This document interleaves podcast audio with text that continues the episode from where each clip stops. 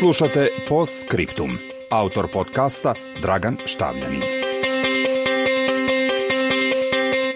Iskrenost je najbolja politika, govorio je Benjamin Franklin. Međutim, u makijavelističkom svetu, kome često cilj opravdava sredstvo, iskreno se doživljava kao naivnost i utopizam, a ne vrlina – to se naročito odnosi na Balkan gdje svaka država uprkos retorici o zajedničkoj evropskoj budućnosti u osnovi gleda da se što bolje pozicionira po pravilu na štetu drugih, a ne da se iskrenom saradnjom dođe do rešenja od kojih će svima biti bolje.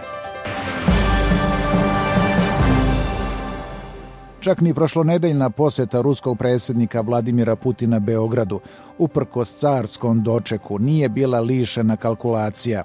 Zvanični Beograd koristi Rusiju da bi tvrdio pazar sa Evropskom unijom, a Moskva Srbiju da preko nje podriva uticaj Zapada na Balkanu. U balkanskom galimatijasu ni Evropska unija nije uvek dosledna. Iako poziva Kosovo da ukine carine, ne čini ništa konkretnije, kao što ne sankcioniše ni ponašanje Milorada Dodika, koji dovodi u pitanje celovitost Bosne i Hercegovine, zatim kršenje demokratskih normi u Srbiji, Crnoj Gori, a toleriše i ultradesničarske ispade u Hrvatskoj.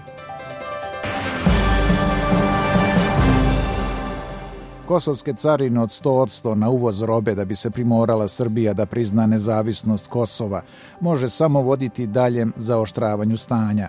Doduše, dobri poznavaoci prilika na terenu smatraju da bi se vlada Kosova teško odlučila na ovu radikalnu meru, makar bez prećutne saglasnosti Vašingtona. Istovremeno, Aleksandar Vučić lakonski odgovara da je bitno da međunarodna zajednica saopšti da li će uskoro biti ukinute kosovske takse, kako bi znao da li da organizuje vanredne izbore. On na taj način želi da proveri raspoloženje građana oko kompromisnog rešenja za Kosovo, bolje rečeno da se zakloni iza njihove volje za bolne ustupke koje Srbija mora da učini.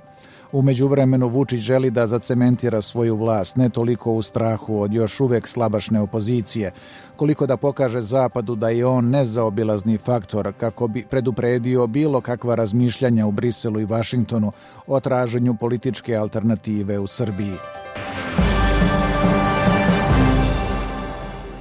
Naličje međusobnog podozrenja i netrpeljivosti na Balkanu je neiskrenost pa i laži i podvaljivanje. Loše posljedice takve politike tek će se osjetiti u budućnosti.